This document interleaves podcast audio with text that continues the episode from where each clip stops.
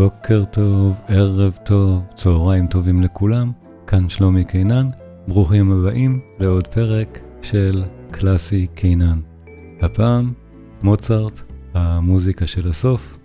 אנחנו מדברים בעיקר על הקונצ'רטו לקלרינט, אבל לא רק, עוד עוד כמה יצירות נהדרות מהחודשים והשבועות האחרונים לחייו של מוצרט.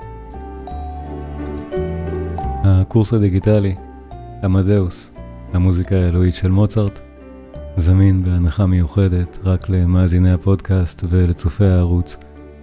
יש שם כמה הרצאות פתוחות לצפייה, ועצם זה שאתם בודקים ולוחצים על הקישור, עוזר לי מאוד. פרטים בסוף התשדיר. מוצרט, המוסיקה של הסוף, הקונצ'רטו לקלרינט, בואו נתחיל. והיום אנחנו מסכמים את, ה, את הסדרה של שלוש הרצאות על uh, היצירות המאוחרות של מוצרט, ובהקשר הספציפי, יצירות הקלרינט המאוחרות, הפעם. כי באמת, הכלי דיברנו עליו בפעם הקודמת, והיום אנחנו מגיעים לשלב הסופי, באמת, שוב, אנחנו מצטלבים עם חליל הקסם, עם הרקבים, עם השנה, או החצי שנה אפילו, האחרונה לחייו של מוצרט. שבא באמת, זו המוזיקה של הסוף, זו, זה מה שלדעתי באמת אמרתי הרג אותו, הוא עבד קשה מדי. אנחנו נשמע היום כמה יצירות, כל אחת מהן מופתית, והן כולן בעל מסגרת זמן כל כך קצרה, זה, זה לא ייאמן, אנחנו נגיע לזה, זה באמת מתקשר להרצאה שדיברנו על חליל הקסם, על הסימפוניה במי במול, אבל אנחנו זוכרים גם שמוזיקת הקלרנית של מוצרט, או הקלרינט, אה, גם היא אומרת הרבה פעמים ומסמלת את המוזיקה של הסוף, וזה אולי בגלל האופי המאוד uh, אינטרוספקטיבי של הקטעים השקטים. שמענו אחד כזה בפעם הקודמת, אנחנו נשמע עוד אחד כזה גם היום, אחד מהקטעים השקטים המפורסמים והאהובים ביותר, אני חושב, בהיסטוריה של המוזיקה בכלל, הפרק השקט של הקונצ'רטו לקלרינט של מוצרט. אבל לפני זה אני רוצה עוד לדבר כמה מילים באמת על מוצרט והקלרינט, והיצירות המאוחרות האלה בסוף חייו. ונקודת המוצא שלי של היום תהיה הסימפוניה ה-40. הסיבה שאני בוחר את זה שם, זה גם יצירה מאוחרת של מוצרט, כמובן, עדיין לא מהשנה האחרונה, אבל כבר די קרוב. וגם, באופן ידוע, יצירה שיש לה גרסה עם קלרניטות, הסיבה שיש לה גרסה עם קלרניטות זה באמת ספציפית, סטיינברג כותב על זה. ספציפית על מנת שסטדלר יוכל לנגן ביצירה הזאת. אז יש גרסה עם קלרניטות עבור סטדלר ואחיו, אותו סטדלר, אותו קלרניטן, חבר של מוצרט. אני מזכיר, דיברנו עליו, עבורו, הוא כבר כתב גם את יצירות הקלרינט הקודמות, וגם את הבאות שנדבר עליהן היום. זה הכל אותו הסטדלר. אז, אז כן, אז גרסת הקלרניטות בסימפוניה 40 גם, יצירה אומנם לא לקלרנית, אבל מן המפורסמות היא סימפוניה עם קלרניטות או קלרניטים. עבור, עבור סטדלר. אבל הסיבה השנייה שבחרתי להציג רגע קצר, מה, מההתחלה באמת, רק מההתחלה של הסימפוניה 40, זה בעיקר בגלל שלאונרד ברנסטיין המדהים מנתח אותה עבורנו בסרט מאוד מפורסם. לצערי את הקונצ'רטו לקלרינט הוא לא היא לנתח, את הסימפוניה 40 כן. אז בואו נראה רגע קצת מהניתוח שלו על הסימפוניה 40 שתקף גם לקונצ'רטו לקלרינט ואני אסביר למה. יש את הדבר הזה שאני אמרתי גם בפעם הקודמת שנקרא כרומטיזם. סולמות כרומטיים. המילה הזאת היא פשוט מיועדת לתאר את הדברים שהם הולכים ככה, בחצאי טונים.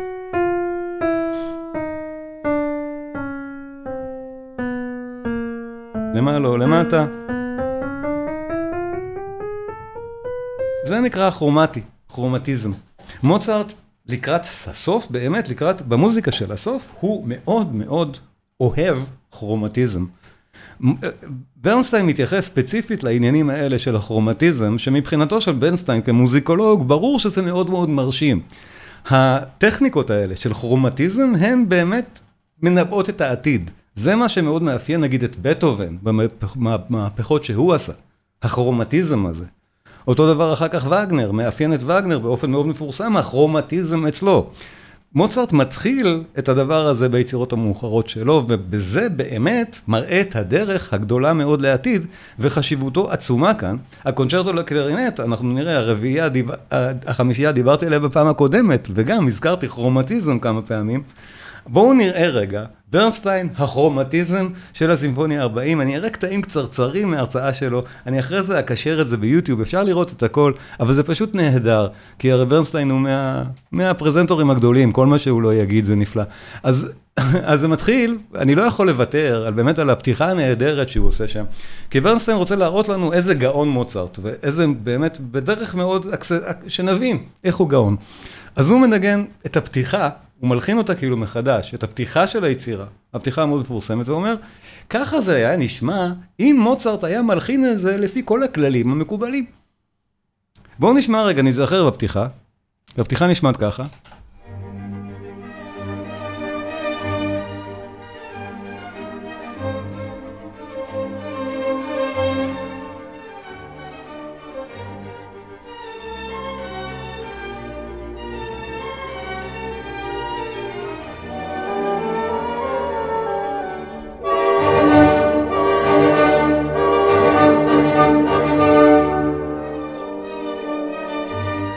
יפהפה, מדהים וכולי.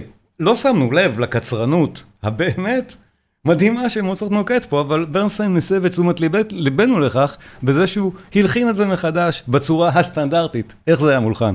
בואו נשמע. זה פשוט נהדר ברנסטיין כאן.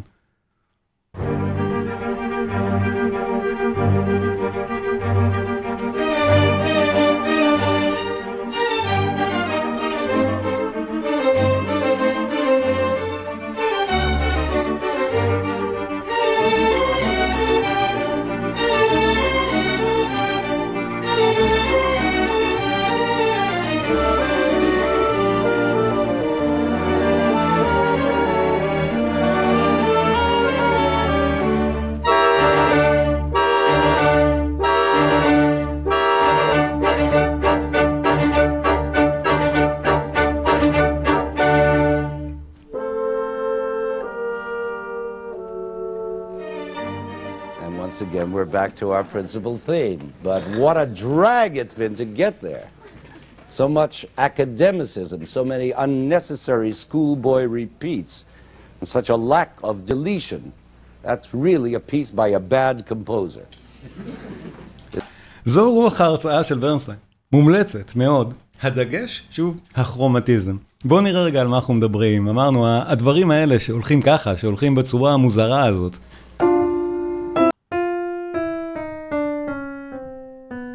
רואים, אנחנו כל הזמן, אין שום הפרש, הכל הולך על כל התווים האלה, השחורים לבנים, במין סדר כרומטי כזה. אז בואו נשמע רגע, הדבר הזה. ברנסטיין מדבר על זה.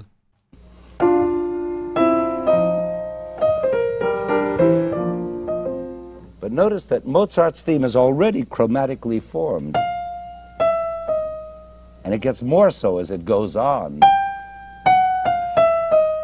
And even more so when it repeats. What's this? A whole new key, A flat major, sudden new key, unrelated to either B flat or G minor. How did we get here? נהדר, מוזיקאים מבינים מיד למה הוא כל כך מתלהב, וגם מי שלא יכול להבין שזה נורא מרשים, שזה נהיה מוזיקה. אבל uh, זה הולך, אני ממליץ לצפות בכל ההרצאה הזאת ביוטיוב, פשוט באמת לחפש, לא צריך, ליאונרד ברנסטיין, סימפוניה 40, הרצאה, יש את זה, או לפחות בגרסאות מקוצרות, והוא מדבר באמת הרבה על הכרומטיזם הזה, ואנחנו נראה בקונצ'רטו את הכרומטיזם הזה קורה בכלל בסוף דרכו של מוצרט. נוגה כותבת לי כרומטיקה, כן, אני מניח זו הדרך הנכונה בעברית להגיד, אני אנסה לזכור את הכרומטיקה. פשוט משתלטת באמת, משתלטת באופן מאוד חינני ויפה על היצירה, לא רק הקונצ'רטו לקלרינט, אלא הרבה דברים מאוחרים, כמו שראינו, גם החמישייה. ב-40 זה מאוד בולט, מאוד נחמד, ושיא השיאים בסימפוניה ה-40, שוב, אני אשמיע את זה כאנקדוטה, כי אי אפשר לוותר על הדברים האלה שמוצרט עושה, בהומור המוזיקלי, בשיא ההומור המוזיקלי האופייני שלו. מוצרט באמת, הוא מלחין עם המון הומור למי שמספיק גבוה להבין את ההומור שלו. הוא עשה את זה, דיברנו בחליל הקסם למשל, שהוא כותב פוגות, פוגות באמת מורכבות מוזיקלית וקשות מאוד, ומייעד את זה לקהל שבכלל לא מבין מוזיקה. בחליל הקסם, לקהל של דוברי גרמנית, לא אצולה. זה מין קריצה למוזיקאים אחרים, אתם רואים, אני עשיתי פה פוגה, אף אחד לא מבין את זה בקהל, זה רק מגניב, אבל אני הצלחתי לעשות את זה. זו, אלה הקריצות המוצרטיות האלה שיש בסימפוניה 40 גם. שלא נחשוב לרגע, הדברים האלה הם לא במקרה, זה כל כך מרשים, כי מוצרט בכוונה מרשים מוזיקאים, אבל אנחנו בשמיעה שטחית, אם אנחנו לא מוזיקאים, פשוט, אה, מגניב. בואו נשמע רגע את הנושא הראשון של הסימפוניה 40, הפרק האחרון, ואת הכניסה לחלק הפיתוח. ואחר כך נשמע מה ברנסטיין אומר על זה, אחד הרגעים הכי באמת אנקדוטיים או מדהימים בספרות הסימפונית, פשוט בגלל שהוא כל כך קיצוני. בואו נשמע, הנושא הראשון הוא הדבר הכי פשוט ותמים בעולם.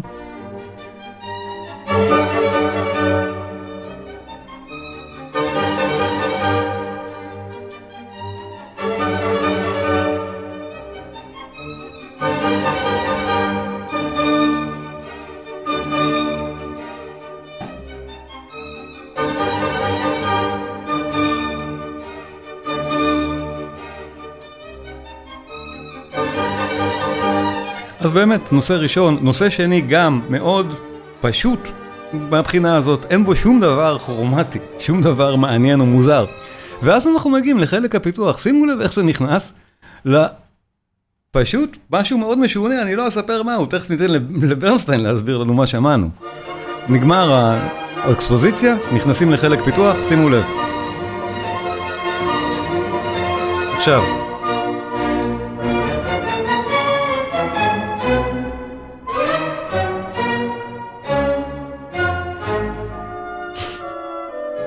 זה? בוא נשמע את זה רגע, עוד פעם, מה זה היה? כאילו סתם, הכל רגיל.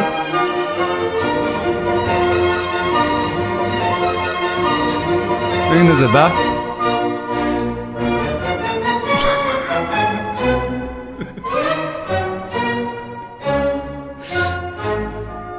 אז מה הוא עושה פה בעצם? שוב, מי שלא מוזיקאי לא יכול להבין את זה, מי שלא קורא את התווים ומסתכל... אי אפשר בשנייה להבין. ברנסטיין יסביר לנו, והוא עושה את זה באמת בדרכו המשעשעת. But the most breathtaking chromatic trip of all occurs in the final movement, which begins, as you remember, innocent enough and tonally not too eventful throughout the whole exposition. But then again comes the development section, and all hell breaks loose.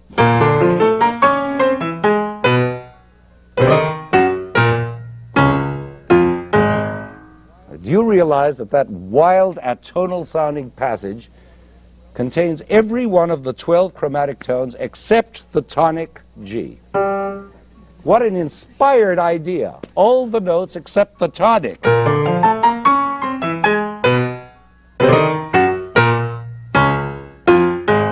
It could easily pass for 20th century music if we didn't already know it was Mozart. מה שברנסטיין מספר לנו, שמוצרט בעצם משתמש פה בכל התווים הכרומטיים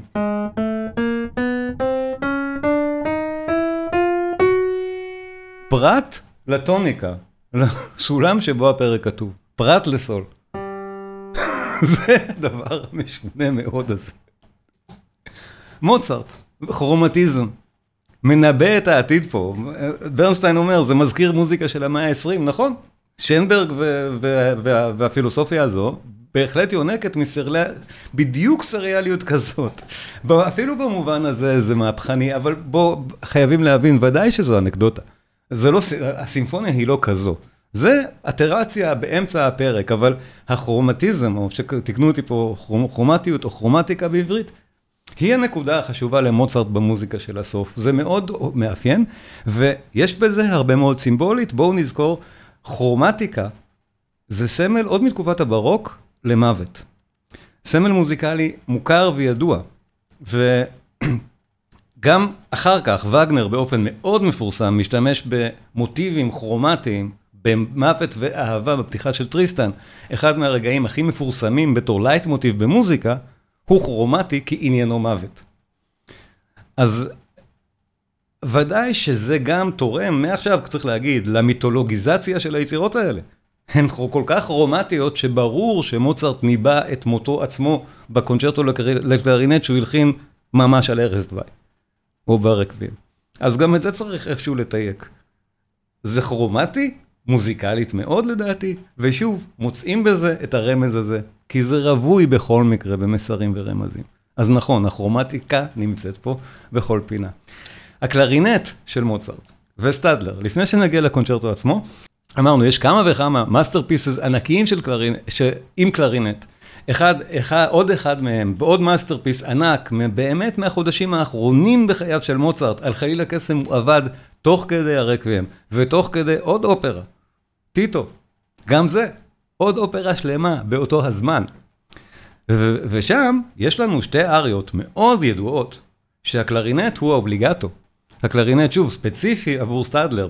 הכלים המשונים האלה, שתכף אני אזכיר אותם עוד פעם, ה basset clarinet, שרק לסטדלר יש אותו, וה basset horn, זה כלי יותר מקובל, אלה כלי האובליגטו באריות המאוד מפורסמות מטיטו, שזאת הייתה אחת מהאופרות הענקיות של מוצרט, אם לא חליל הקסם, שבדיוק מאותו הזמן, ובכל זאת חליל הקסם. אז, אז, אז כן, קלמנזה דה טיטו היא ענקית, באמת, אופרה בהחלט ראויה להאזנה, אבל שני קטעי הקלרינט אובליגטו שם בכלל, בטח שמתקשרים נהדר עם מוצרט, עם הקונצ'רטו, עם התקופה ועם אותו סטדלר, כי בסך הכל זה מוזיקה בדיוק מאותו הזמן, מאותו מקום, אם אנחנו זוכרים, גם באופרות, גם בקונצ'רטי לפסנתר של מוצרט, זה תמיד איכשהו קשור באיזושהי צורה לעבודה האופראית שלו. אז גם פה. בואו נשמע חלק מאריה, זה אריה ארוכה מקוצר זמן, אבל אריה נפלאה. הזמרת, יונה אוהב, אני כבר רומז, בואו נראה אם תנחש מי זו, בואו נשמע. קלרינט. בסטון, אבל קלרינט. מי שמכיר את הקונצ'רטו לקלרינט כבר מזהה את הקשר.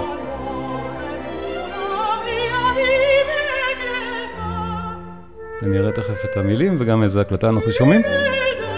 דייוויס הוא המנצח. ג'אנט בייקר שרה.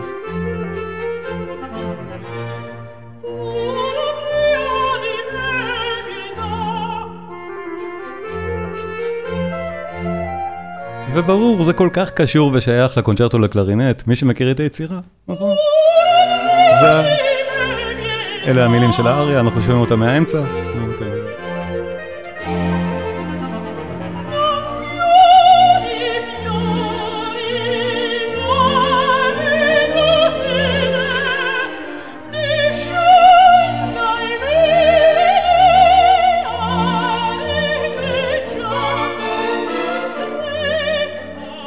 פשוט אופרה נפלאה. הסיבה היחידה שהיא פחות מוכרת זה חלילה קסם שהיא באותו חודש, פחות או יותר העניין. באמת.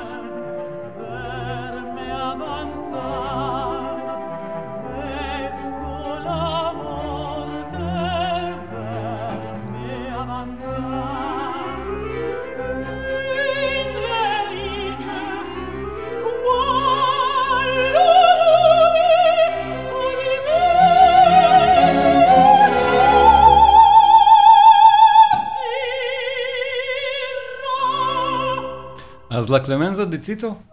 הקלטה של דייוויס נהדרת, יש לאופרה המון הקלטות נפלאות. יצירה מומלצת והאובליגטו של הקלרינט פה, הדואט הזה מול השירה, זה כל כך מוצרתי, כל כך יפה. עכשיו ברור, זה עבור סטדלר. סטדלר הוא המבצע, לכן כלים משונים גם לתקופה, זה basset clarinet, basset horn, פחות מוזר. האריה השנייה שיש בקלרינט, במקרה הזה זה אותו basset clarinet. כלי שהיה אותו רק לסטדלר, ובאמת, לבכורה של האופרה בפראג, סטדלר נסע במיוחד. מוצרט סידר את הגיג לחבר שלו, פשוט ככה, כמו שהוא עשה בסימפוניות, כמו שהוא עשה בקונצ'רטו. יש פה אובליגטו קלרינט כתוב עבור סטדלר שייסע לפראג ויופיע וירוויח כסף. נהדר לדעתי. חבר שלו, גם פרי מייסון, בונה חופשי, שקונסטנציה ממש לא אהבה. אבל איזה יצירות יצאו לנו בגלל החברות הזאת.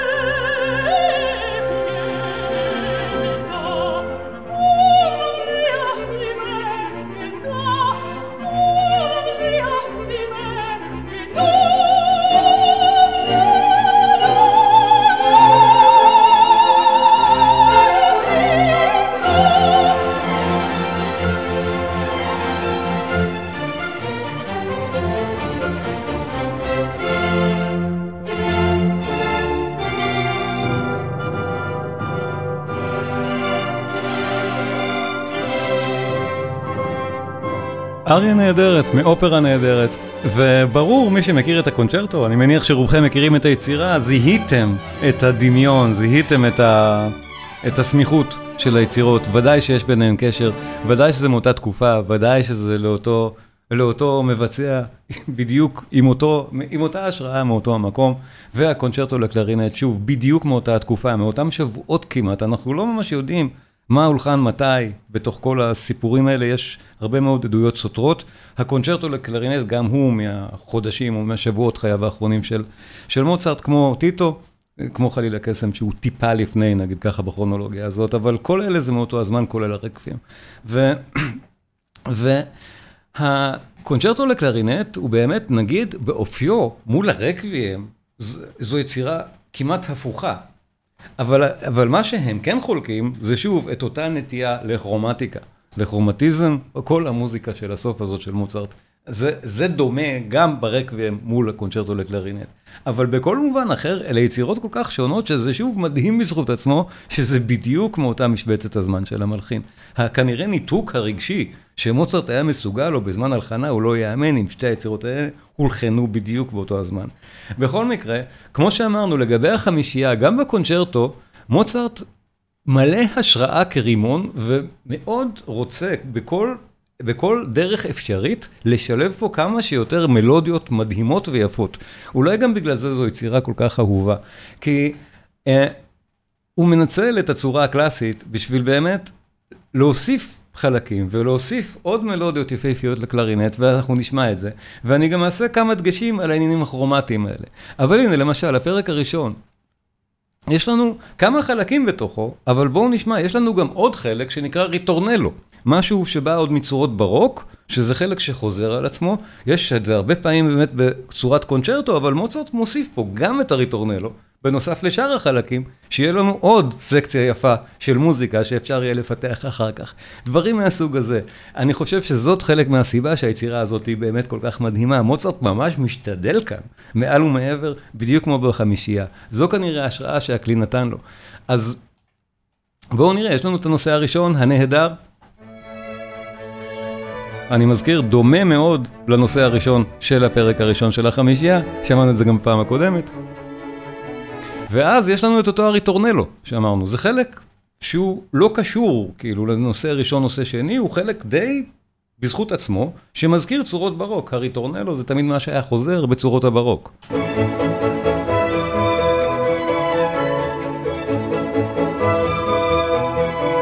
אז זה יחזור הרבה מאוד פעמים. הנושא הראשון, סולו קלרינט.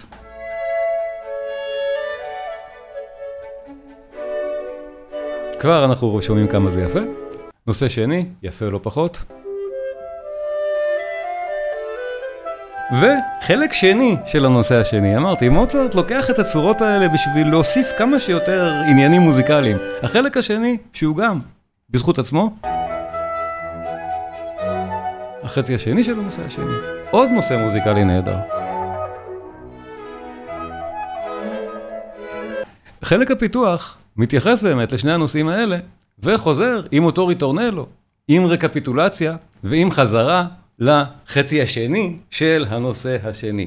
אנחנו נראה את זה תוך כדי האזנה. הדבר המתוחכם יחסית, אבל החמוד והקל מאוד למעקב הזה, פשוט שוב מראה עד כמה מוצרט פה מפתח את הצורה ורוצה מאוד להיות כמה שיותר קומוניקטיבי ומוזיקה יפהפייה, ועם זאת, ודאי שהיצירה היא מאוד מאוד מיוחדת ומאוד מאוד ספציפית גם בהקשר של כלי הנגינה, על זה אני מדבר תוך כדי שמיעה.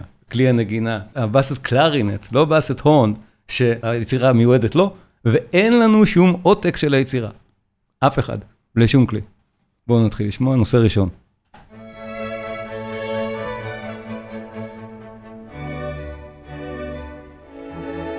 ההקלטה הנהדרת שאנחנו שומעים היום, גם זו יצירה שזכתה להמון הקלטות נפלאות. הקלטה די מודרנית, נפלאה, מומלצת, צליל נהדר.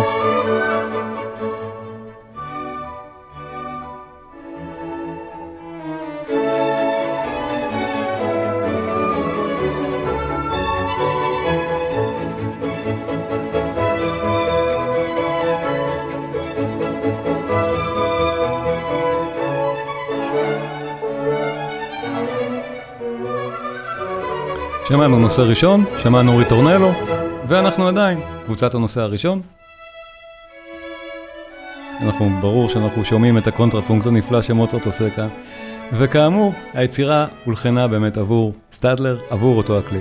עבור ה basset clarinet, שזה כלי שנעשה במיוחד עבור סטדלר ועבור היצירות האלה שמוצרט הלחין. הם עבדו על זה ממש ביחד והזמינו ביחד את הכלי מבוני הכלים מווינה.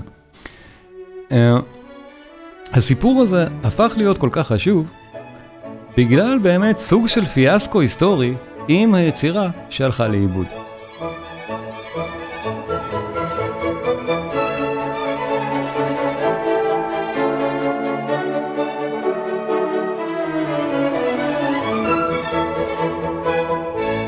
כל כך.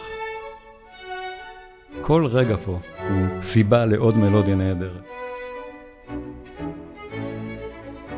ואנחנו זוכרים את הנושא הראשון, עכשיו יש לנו חזרה עליו, עוד לא הגענו לנושא השני, אבל חזרה עם כלי הסולו, עם הקלרינט.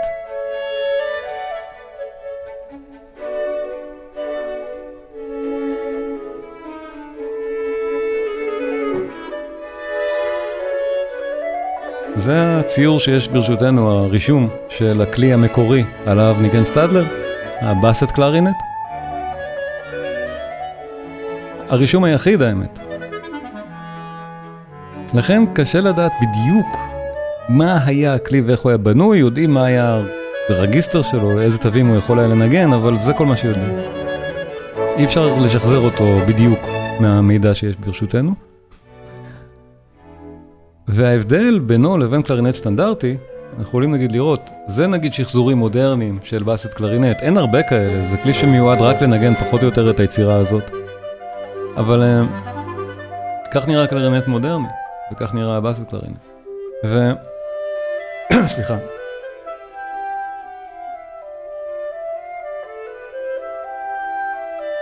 סטדלר ניגן את הגרסה על הכלי הזה, על הבאסט קלרינט. אחרי מותו של מוצרט, הוא איבד את זה. הוא איבד את התווים. זאת אומרת, נעלמה הגרסה המקורית של היצירה. סטדלר, מדוע איבד אותה? לקונסטנציה היו כל מיני תיאוריות בנושא. הנה, נושא שני, חלקו השני, אמרנו מחולק לשניים, כל חצי יפה. אז קונסטנציה דגלה בשתי תיאוריות, אחת אמרה שסטדלר היה שיכור וגנבו לו את זה, ובהזדמנות אחרת היא אמרה שסטדלר היה אה, אה, משכן את היצירה. ניכר שהיא לא אהבה אותו כל כך. עכשיו, היא גם לא אהבה אותו כנראה כי כשמוצרט עוד היה בחיים, אז סטדלר היה גם מין חבר שלו לבילויים כזה, שהם שתו ביחד ושיחקו ביחד סנוקר, אנחנו זוכרים מהפעם הקודמת את הקגלשטאט. אז הוא היה חשוד בעיניה של קונסטנציה בכל מקרה. הוא היה גם חבר בבונים החופשיים, גם משהו קצת חשוד. אנחנו זוכרים את זה עוד מחליל הקסם, גם שיקה נדר היה בדברים האלה. ואנחנו מקבלים את הרושם של חבורה קצת אולי בוהמיאנית ופוחחת במוצרט, שיקה נדר וסטדלר, הבונים החופשיים שם, וקוסטנצה לא כל כך אהבה את זה. כך או כך, היצירה עבדה. סטדלר באמת כנראה איבד את זה. והטרגדיה היא שהגרסה של הקלרינט, אנחנו אפילו לא יודעים מאיפה היא בדיוק. אנחנו יודעים שהיא לא הגרסה של מוצרט. זו גרסה שיצאה תשע שנים אחרי מותו, התחילה להסתובב, כנראה קונסטציה באמת זו שפרסמה אותה, אבל אפילו את זה אנחנו לא יודעים. אבל ברור שהיא טרנסקריפציה שמישהו עשה, ואנחנו לא יודעים מי, אלמוני עשה, כנראה בהזמנתה של קונסטנציה, לגרסת המקור על הבאסט הון, הבאסט קלרינט שנעלמה. זאת אומרת, מה שאנחנו שומעים עכשיו, זה מסובך, אני יודע, אבל אין איך להסביר את זה בפשטות. מה שאנחנו שומעים עכשיו, זה שחזור של גרסה לכלי אחר, מעשר שנים אחרי מותו של מוצרט, שאנחנו לא יודעים מי שחזר אותו בכלל. זה מה שיש ברשותנו. מוזר אבל נכון.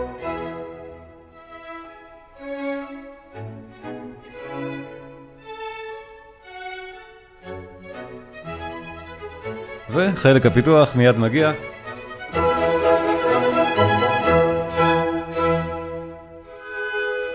כל כך יפה היצירה הזאת. אז מוצרט, מהמוזיקה ניכר, מכל תו, שהוא סבר על סטאדלר דברים שונים מאוד מקונסטנצה. הוא מלחין מוזיקה כזאת רק למוזיקאי שהוא אוהב. אין דרך אחרת לראות דברים כאלה, זה ברור. ולפי כל העדויות, סטאדלר היה באמת נגן על, אלוהי לגמרי. אספקטים אומנותיים לפחות, קשה מאוד לבוא בטענות למי שנתן כזאת השראה למוצרט.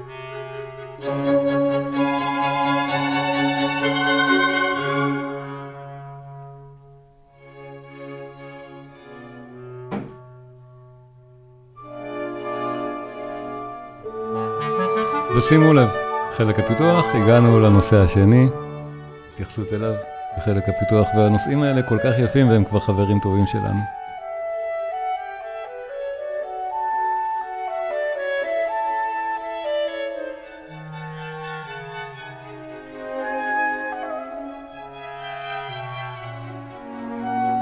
עוד הקלטה מומלצת, אמרתי את זה גם בפעם הקודמת, יש פה גם את הקונצ'רטו לקלרינט.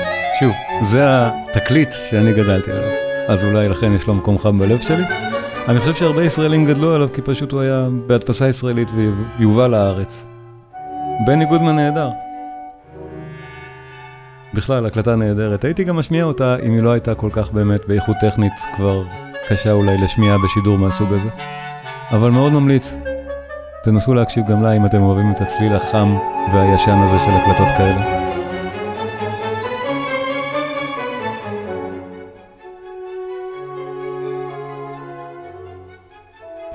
ואם אנחנו זוכרים, דיברתי שמוצרט נותן לו פה עוד חלק שאנחנו קוראים לו ריטורנלו, אז הנה תכף מגיע אותו הריטורנלו בתוך חלק הפיתוח, בשביל לתת לנו עוד מוזיקה ומעבר לרקפיטולציה. ריטורנלו.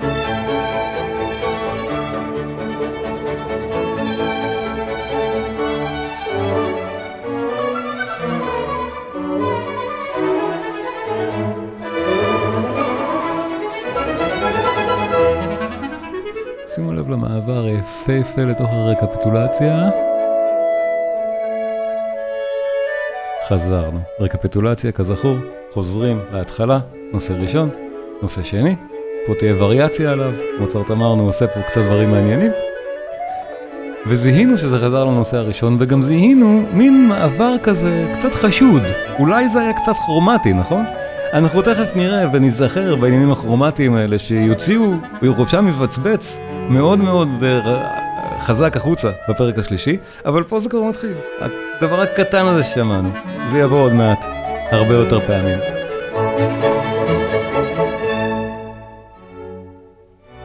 ונושא שני, וריאציה. כל כך יפה, מוצרט באמת משכיל עם הכלי הנהדר הזה. לעשות מין וריאציה נהדרת במקום את הנושא עצמו, כמו שהיה בהתחלה, ואנחנו רק נבין שזה הנושא עצמו בחציו השני, תכף בהמשך של הרקפיטולציה. נהדר.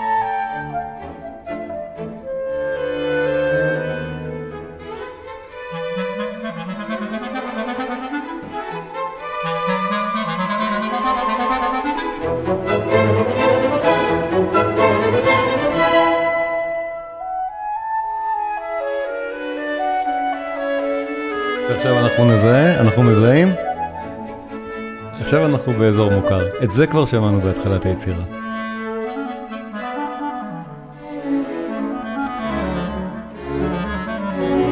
אז אנחנו שומעים בעצם קלרינט שמנגן כל מיני פרזות שנקטעות באמצע בגלל שהוא לא מספיק נמוך להגיע לתווים הנמוכים שהמקור היה כנראה כתוב להם.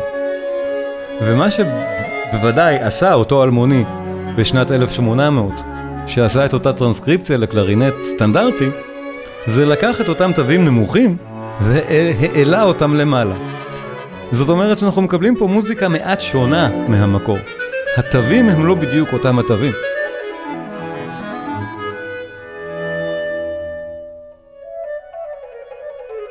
הספקולציות לגבי איך הקונצ'רטו היה במקור, הן מזכירות את הספקולציות לגבי הרקוויה.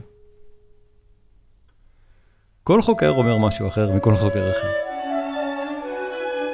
בטח שנשמע אחת מהפרשנויות.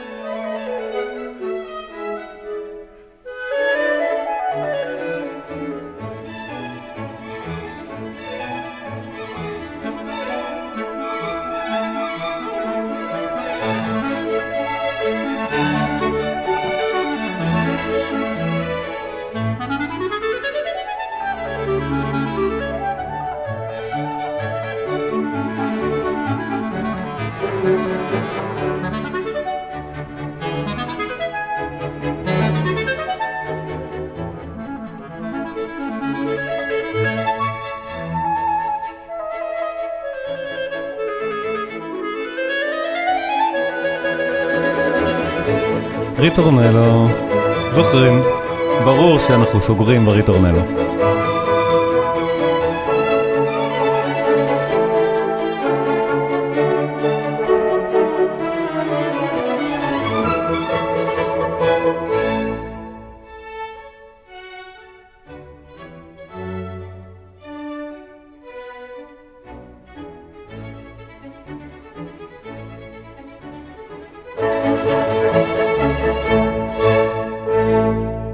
הקונצ'רטו הראשון המדהים, פרק ראשון שלו, ועולה באמת השאלה, ברצינות, המוות העסיק את מוצרט אז? לפי המוזיקה הזאת לא נראה כך.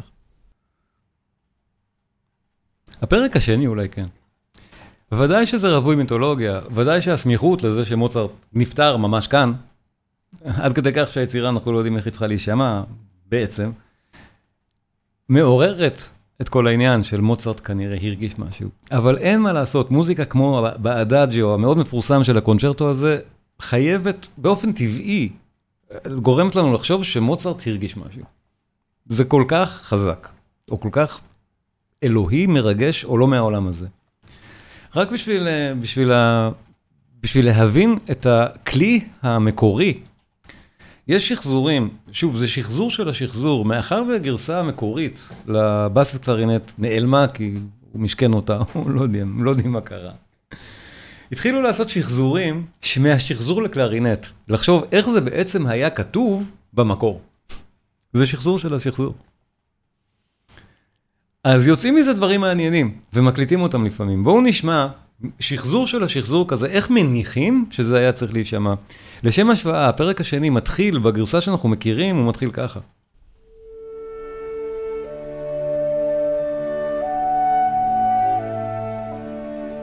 זה על קלרינט סטנדרטי.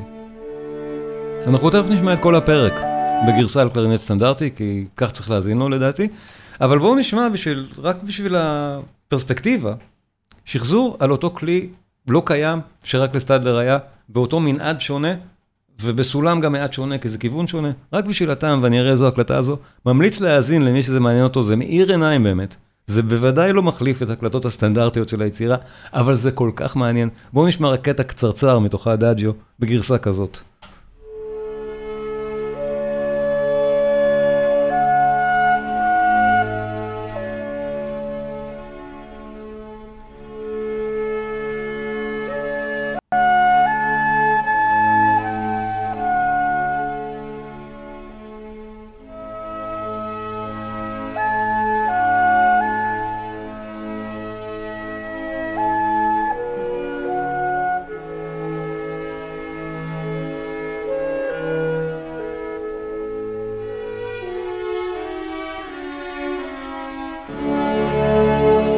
הוגווד ופאי כאן עושים uh, עבודת קודש ומקליטים את הגרסה המעניינת באמת, שכנראה דומה למקור שמוצרט כתב את זה.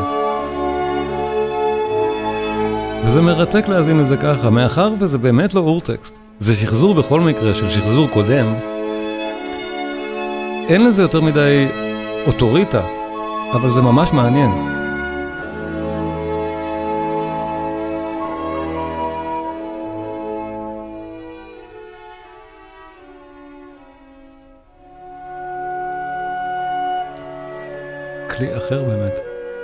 פשוט שונה.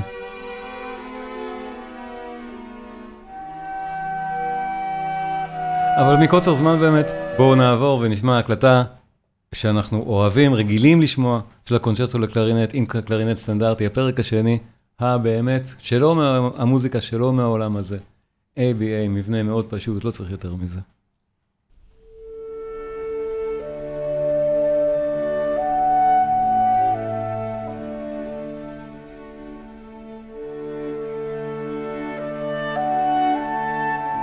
ואני משאיר אתכם דקה עם האלוהות הזאת בזמן שאני מסדר פה את המזגן. כבר חוזר.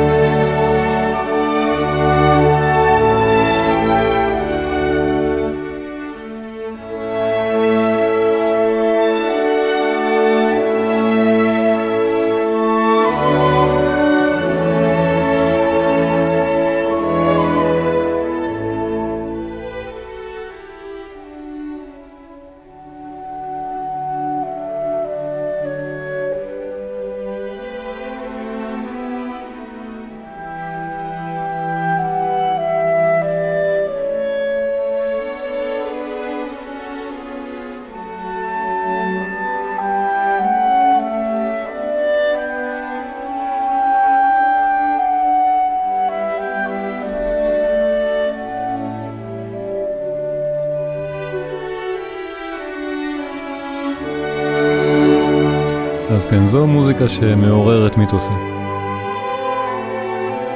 שומעים את זה וברור שמוצרט היה מחובר לאלוהים וידע מה הולך לקרות לו בשבוע הבא.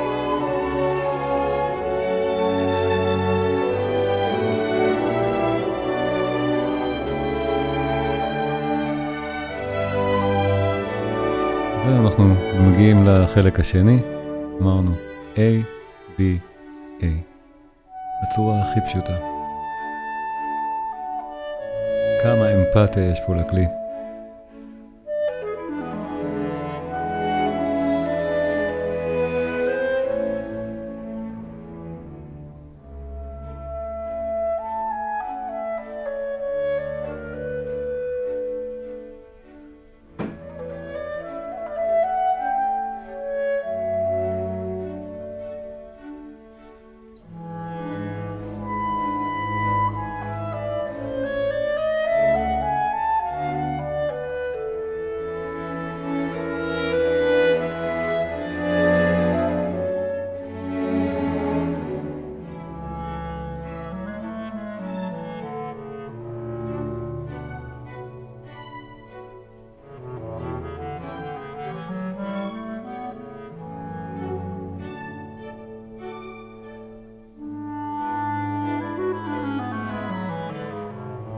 זו היצירה האחרונה שמוצרט השלים, או היצירה הגדולה האחרונה שמוצרט השלים בחייו. הפרק האחרון של הקונצ'רטו, זה הפרק הגדול האחרון של יצירה גדולה שמוצרט השלים.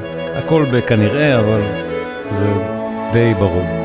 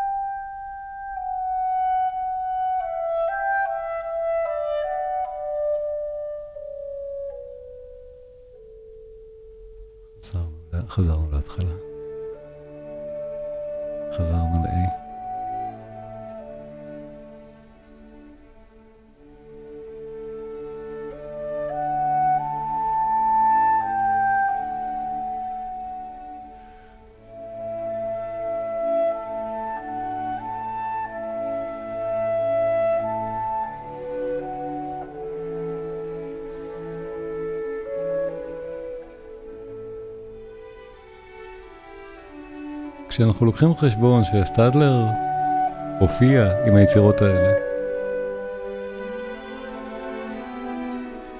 אפשר אולי גם להבין למה בסופו של דבר היצירה נעלמה.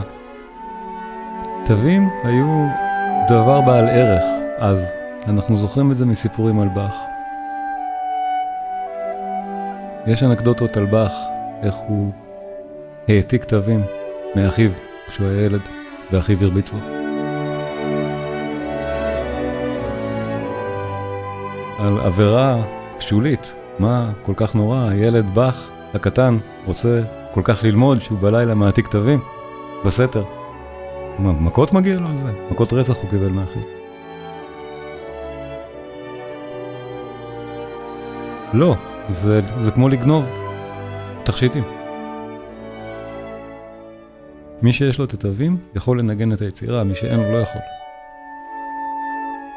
זה, אנחנו, זו תפיסה שאנחנו לא כל כך זוכרים היום. אבל זה בהחלט מה שסטאדר הרגיש כלפי היצירות האלה שיועדו לו, נכתבו עבורו והיו שלו. הוא לא טען להלחנה שלהם, אבל הוא בהחלט טען לבעלות עליהם. ובקונטקסט של התקופה הוא גם צדק במידה רבה. מוצרט ודאי שחשב שהיצירות הן של סטדלר, הוא קרא לפרק האחרון הרונדו של סטדלר, בחיבה. ברור. לא היה צריך להיות ויכוח. ודאי שאם מוצרט היה בעודו בחיים.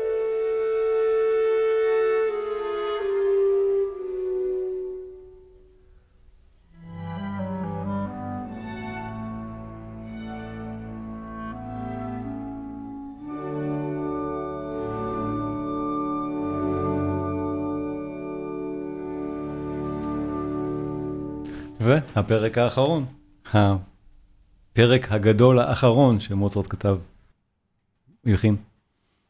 אה, המוזיקה של הסוף, באמת, פשוטו כמשמעו כנראה. אז uh, הסטדלר, רונדו, הרונדו של סטדלר, זה אגב אולי צירוף מקרי מעניין, אולי בכוונה, שוב מוצרט היה טוב בדברים האלה, ברמזים. הפרק האחרון של הסקגלשטאט, של הטריו ההוא, השיתוף פעולה ההוא שלהם, ההיסטורי, גם מסתיים ברונדו באופן גדול, רונדו מיוחד. וגם זה רונדו של סטדלר. מה זה אומר רונדו? יש לנו חלק A ואז B. עוד פעם חלק A, חלק C.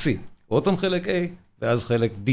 זה דבר כזה. פה מוצרט מתחכם ועושה לנו A, B, A, C, B, ואז עוד פעם A. מין מבנה קצת אחר. ו...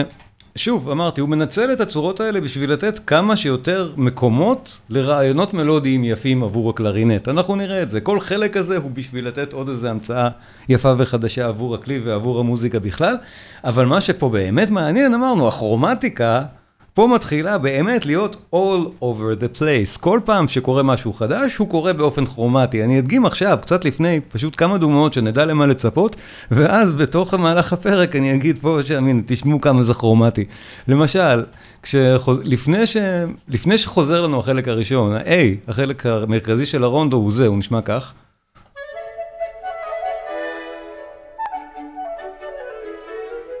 לפני שהוא חוזר,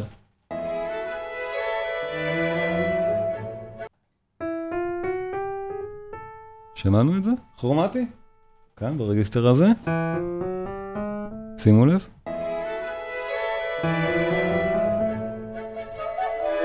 למשל.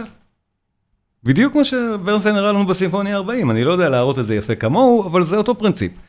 למשל, עוד פעם, כשאנחנו חוזרים עכשיו לחלק השני של הרונדו, שימו לב, לפני החזרה, המהלך הוא גם כרומטי.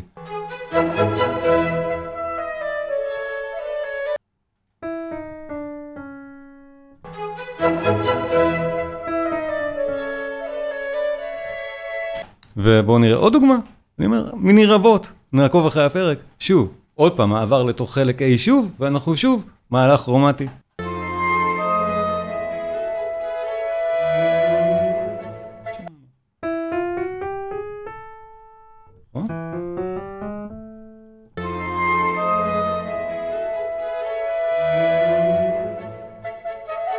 הפרק רצוף, saturated, רווי בכרומטיקה.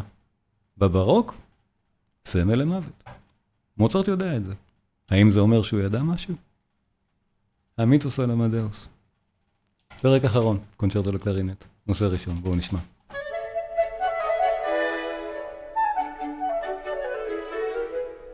נושא ראשון.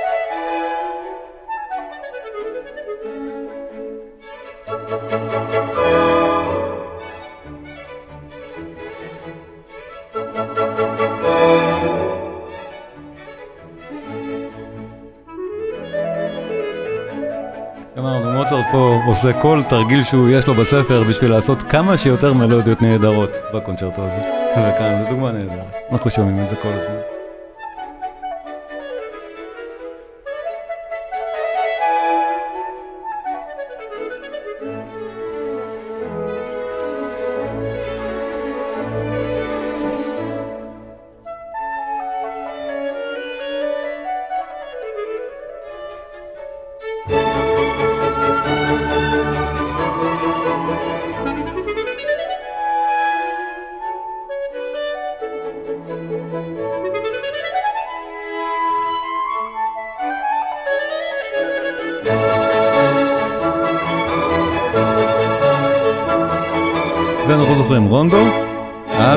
חלק שני. אמרנו, יהיה לנו חלק ראשון היה, עכשיו חלק שני. נחזור לחלק ראשון, חלק שלישי. נחזור לחלק שני, חלק ראשון. אנחנו נראה עוד איך זה בנוי, אבל שמענו, הייתה עצירה, עברנו חלק. שוב, כל פעם, כל חלק כזה, עוד מלודיה יותר יפה מרעותה.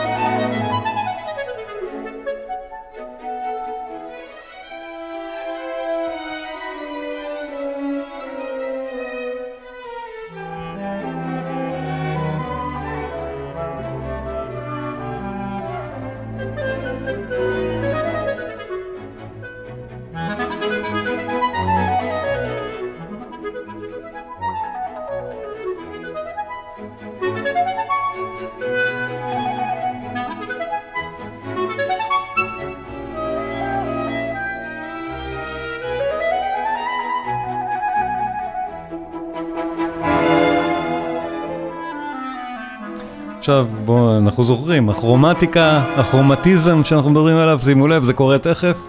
מעבר כרומטי נהדר לחלק הבא, חזרה ל-A, חזרה לחלק הראשון. שש, שימו לב.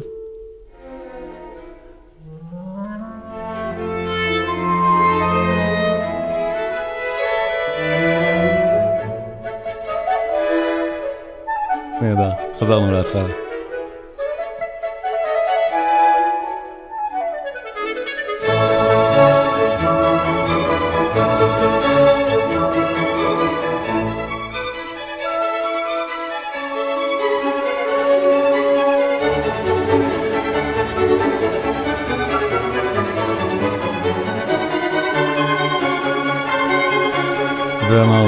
במסגרת של הרודנו המעניין הזה, חלק שלישי, C-Part, חלק החזרה הנוספת לחלק נוסף, עוד מלודיה נהדרת.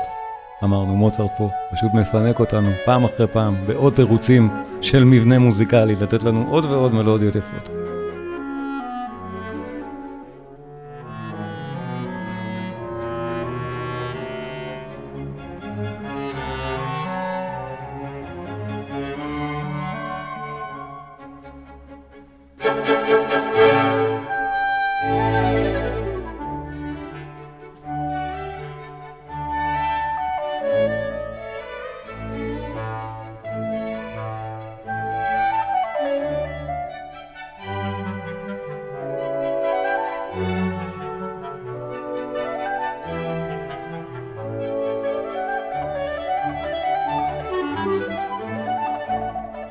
ותכף אנחנו נגיע לעוד איזה עניין כרומטי קטן, אמרנו זה רווי בהם, אז, אז עוד פעם, למעבר לחלק הבא יהיה גם עם מעבר כרומטי, בואו נשמע, נשים לב כאן.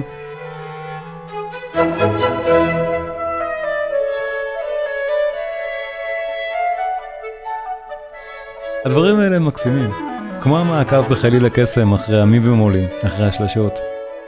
הרמיזות הקטנות שמוצרט מפזר במוזיקה שלו בכל מיני אמצעים מוזיקליים, גם באך כידו היה עושה את זה. גם שסטקוביץ' להבדיל. במין דרכים קטנות כאלה שרק מי שבאמת מתעמק בתווים מצליח להבין אולי את הקריצות הקטנות האלה. הוא באמת מדבר אלינו בכמה רבדים נהדרים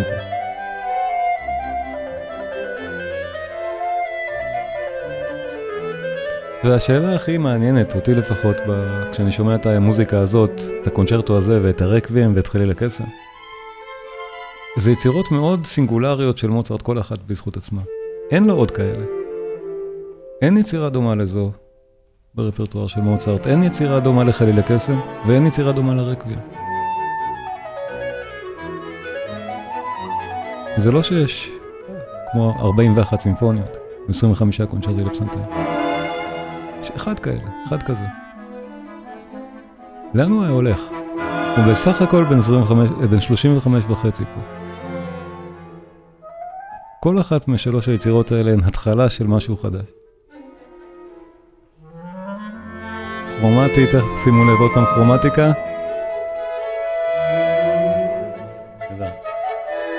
אז לאן מוצרט היה מגיע?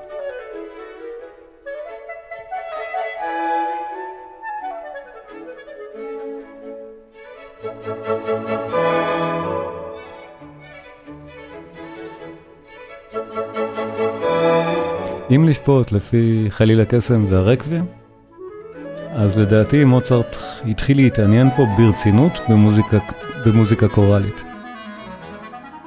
עד השלב הזה הוא לא אהב כל כך מוזיקה דתית והלחין מעט מאוד מוזיקה בהקשרים האלה, הוא כנראה לא אהב דת, הוא לא אהב את הטקסים הדתיים, משהו כזה. הוא לא היה אדם דתי. המוזיקה הדתית כנראה מאוד עניינה אותו. הוא נחשף לבאך, בחליל הקסם אנחנו כבר שומעים את זה, הוא מלחין שם קוראלים אם צריך או לא צריך. הרקבים, ברור. ואנחנו אמנם, שוב, אני חורג טיפה בזמן, תסלחו לי, אנחנו נכנסים עכשיו לקודה.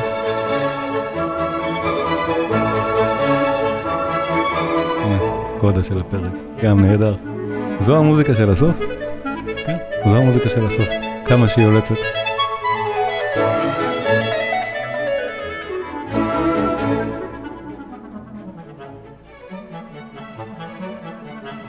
אז זהו, המיסה, נכון, המיסה היא היצירה הקוראלית הגדולה, האחרת היחידה של מוצרט, וגם היא לא גמורה.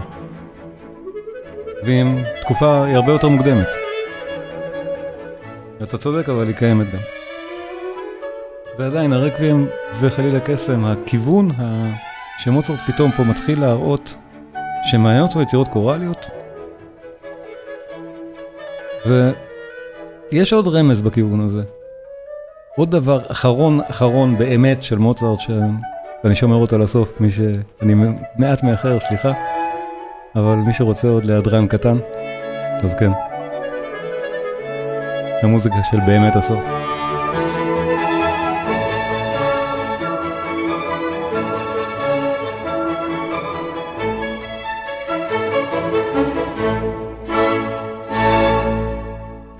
הקונצ'רטו לקרינט הנפלא של מוצרט, באמת. הנפלא ביותר שיש, לא רק של מוצרט, אני חושב שבכלל, מיצירות לכלי, יש, יש די קונצנזוס, שזו הגדולה שלהן. אבל באמת, לדעתי, מוצרט היה ממשיך לכיוון של יצירות קוראליות. פרט לרקבים ולחליל הקסם, מה בדיוק כתבים האחרונים שהוא כתב? כנראה שזה מה שהיה צריך להיות הלקרימוזה, הפוגה של הלקרימוזה, כנראה. שזה בסוף לא נמצא ברקבים. אבל גם סבורים שאולי האווה ורום קורפוס זה אורטקסט אחרון של מוצרט. אני חושב שמוטקה אמר שהוא שר את זה פעם, אני לא בטוח. בואו נשמע. זה לא יצירה קוראלית גדולה, זה קטע קצרצר אחד קטן, שהולחן באמת אינסידנטלית לגמרי, כשממש בשבועות האחרונים לחייו של מוצרט, שהוא קפץ לספא שבו אשתו, שבו קונסטנץ, בית ההבראה שבו הייתה, בבאדן. הוא הבחין את זה שם בשביל המקום. איזה יופי, בואו ניפרד בזה.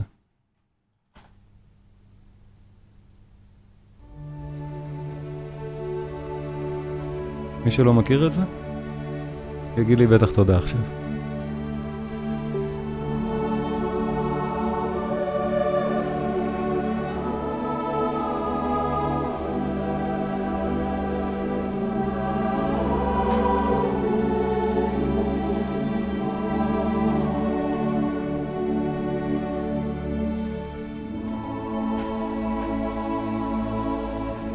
מוצרט מלחין לנו פתאום מוטט כל כך יפה. זה לא מי שאנחנו רגילים לקבל ממנו דווקא מוטטים. אבל הוא בסך הכל מתחיל פה.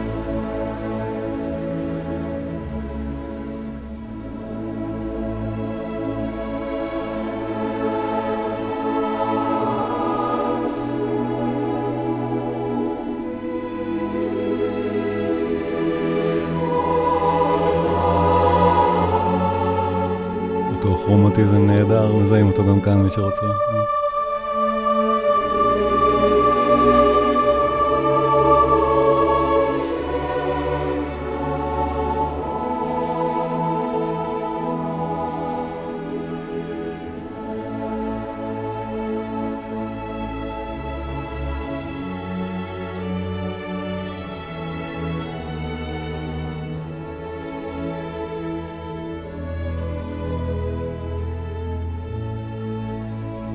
זו ההקלטה שאנחנו שומעים?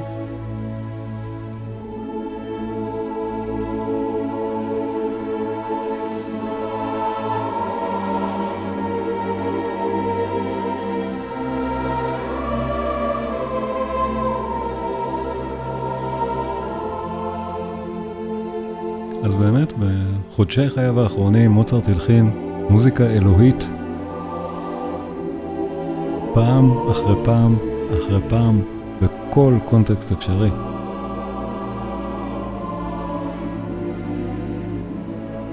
ומוצרט עבד באמת מאוד קשה כל חייו, והרוב, רוב היצירות שלו הן לאו דווקא יצירות מופת. יש הרבה מאוד יצירות של מוצרט שהולחנו בחיפזון בתור עבודה, רוב הסימפוניות שלו הן כאלה. הרבה מהסוויטות, הרבה מהסרנדות, הרבה מהמוזיקה הקאמרית, זה יצירות שהוא לא התייחס אליהן באמת ברצינות. אבל בתקופה הזאת, אחת אחרי השנייה, אפילו האנקדוטה הקטנה לכאורה הזאת, זה מדהים.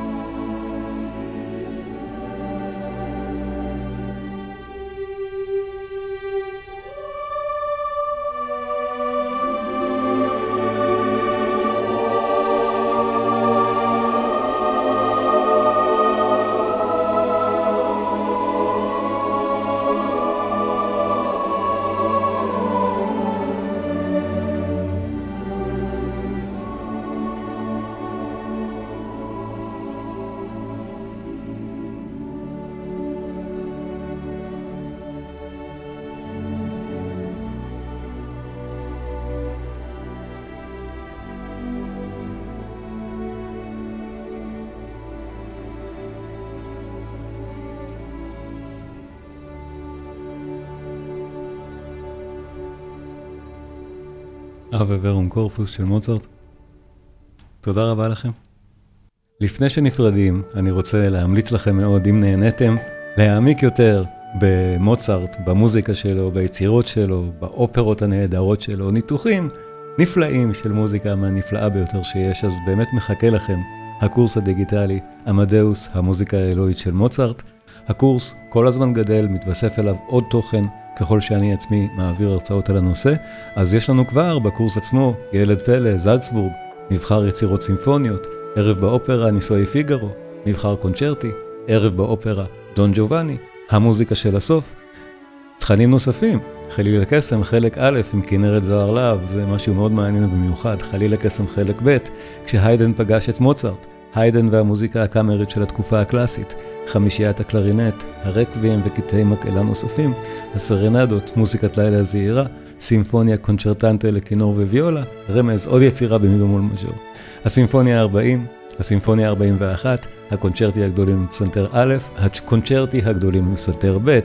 בנוסף, בונוסים, הדוקומנטרי בחיפוש אחר מוצרט, דוקומנטרי מעולה, פשוט שווה צפייה כל כך. נמצא כאן עבורכם, עמדאוס בגרסת הבמאי, שלוש שעות של תענוג, נישואי פיגר, האופרה במלואה, שני DVDs נהדרים לצפייה מענגת ביותר, עם תרגום כמובן. הקורס זמין בהנחה מיוחדת לצופי הערוץ ומאזיני הפודקאסט, אז אנא בדקו, יש שיעור שניים פתוחים לצפייה בחינם, ועצם זה שאתם בודקים עוזר לי מאוד להמשיך ולתת את התכנים האלה גם הלאה. אז עמדאוס, המוזיקה האלוהית של מוצרט, נשתמע.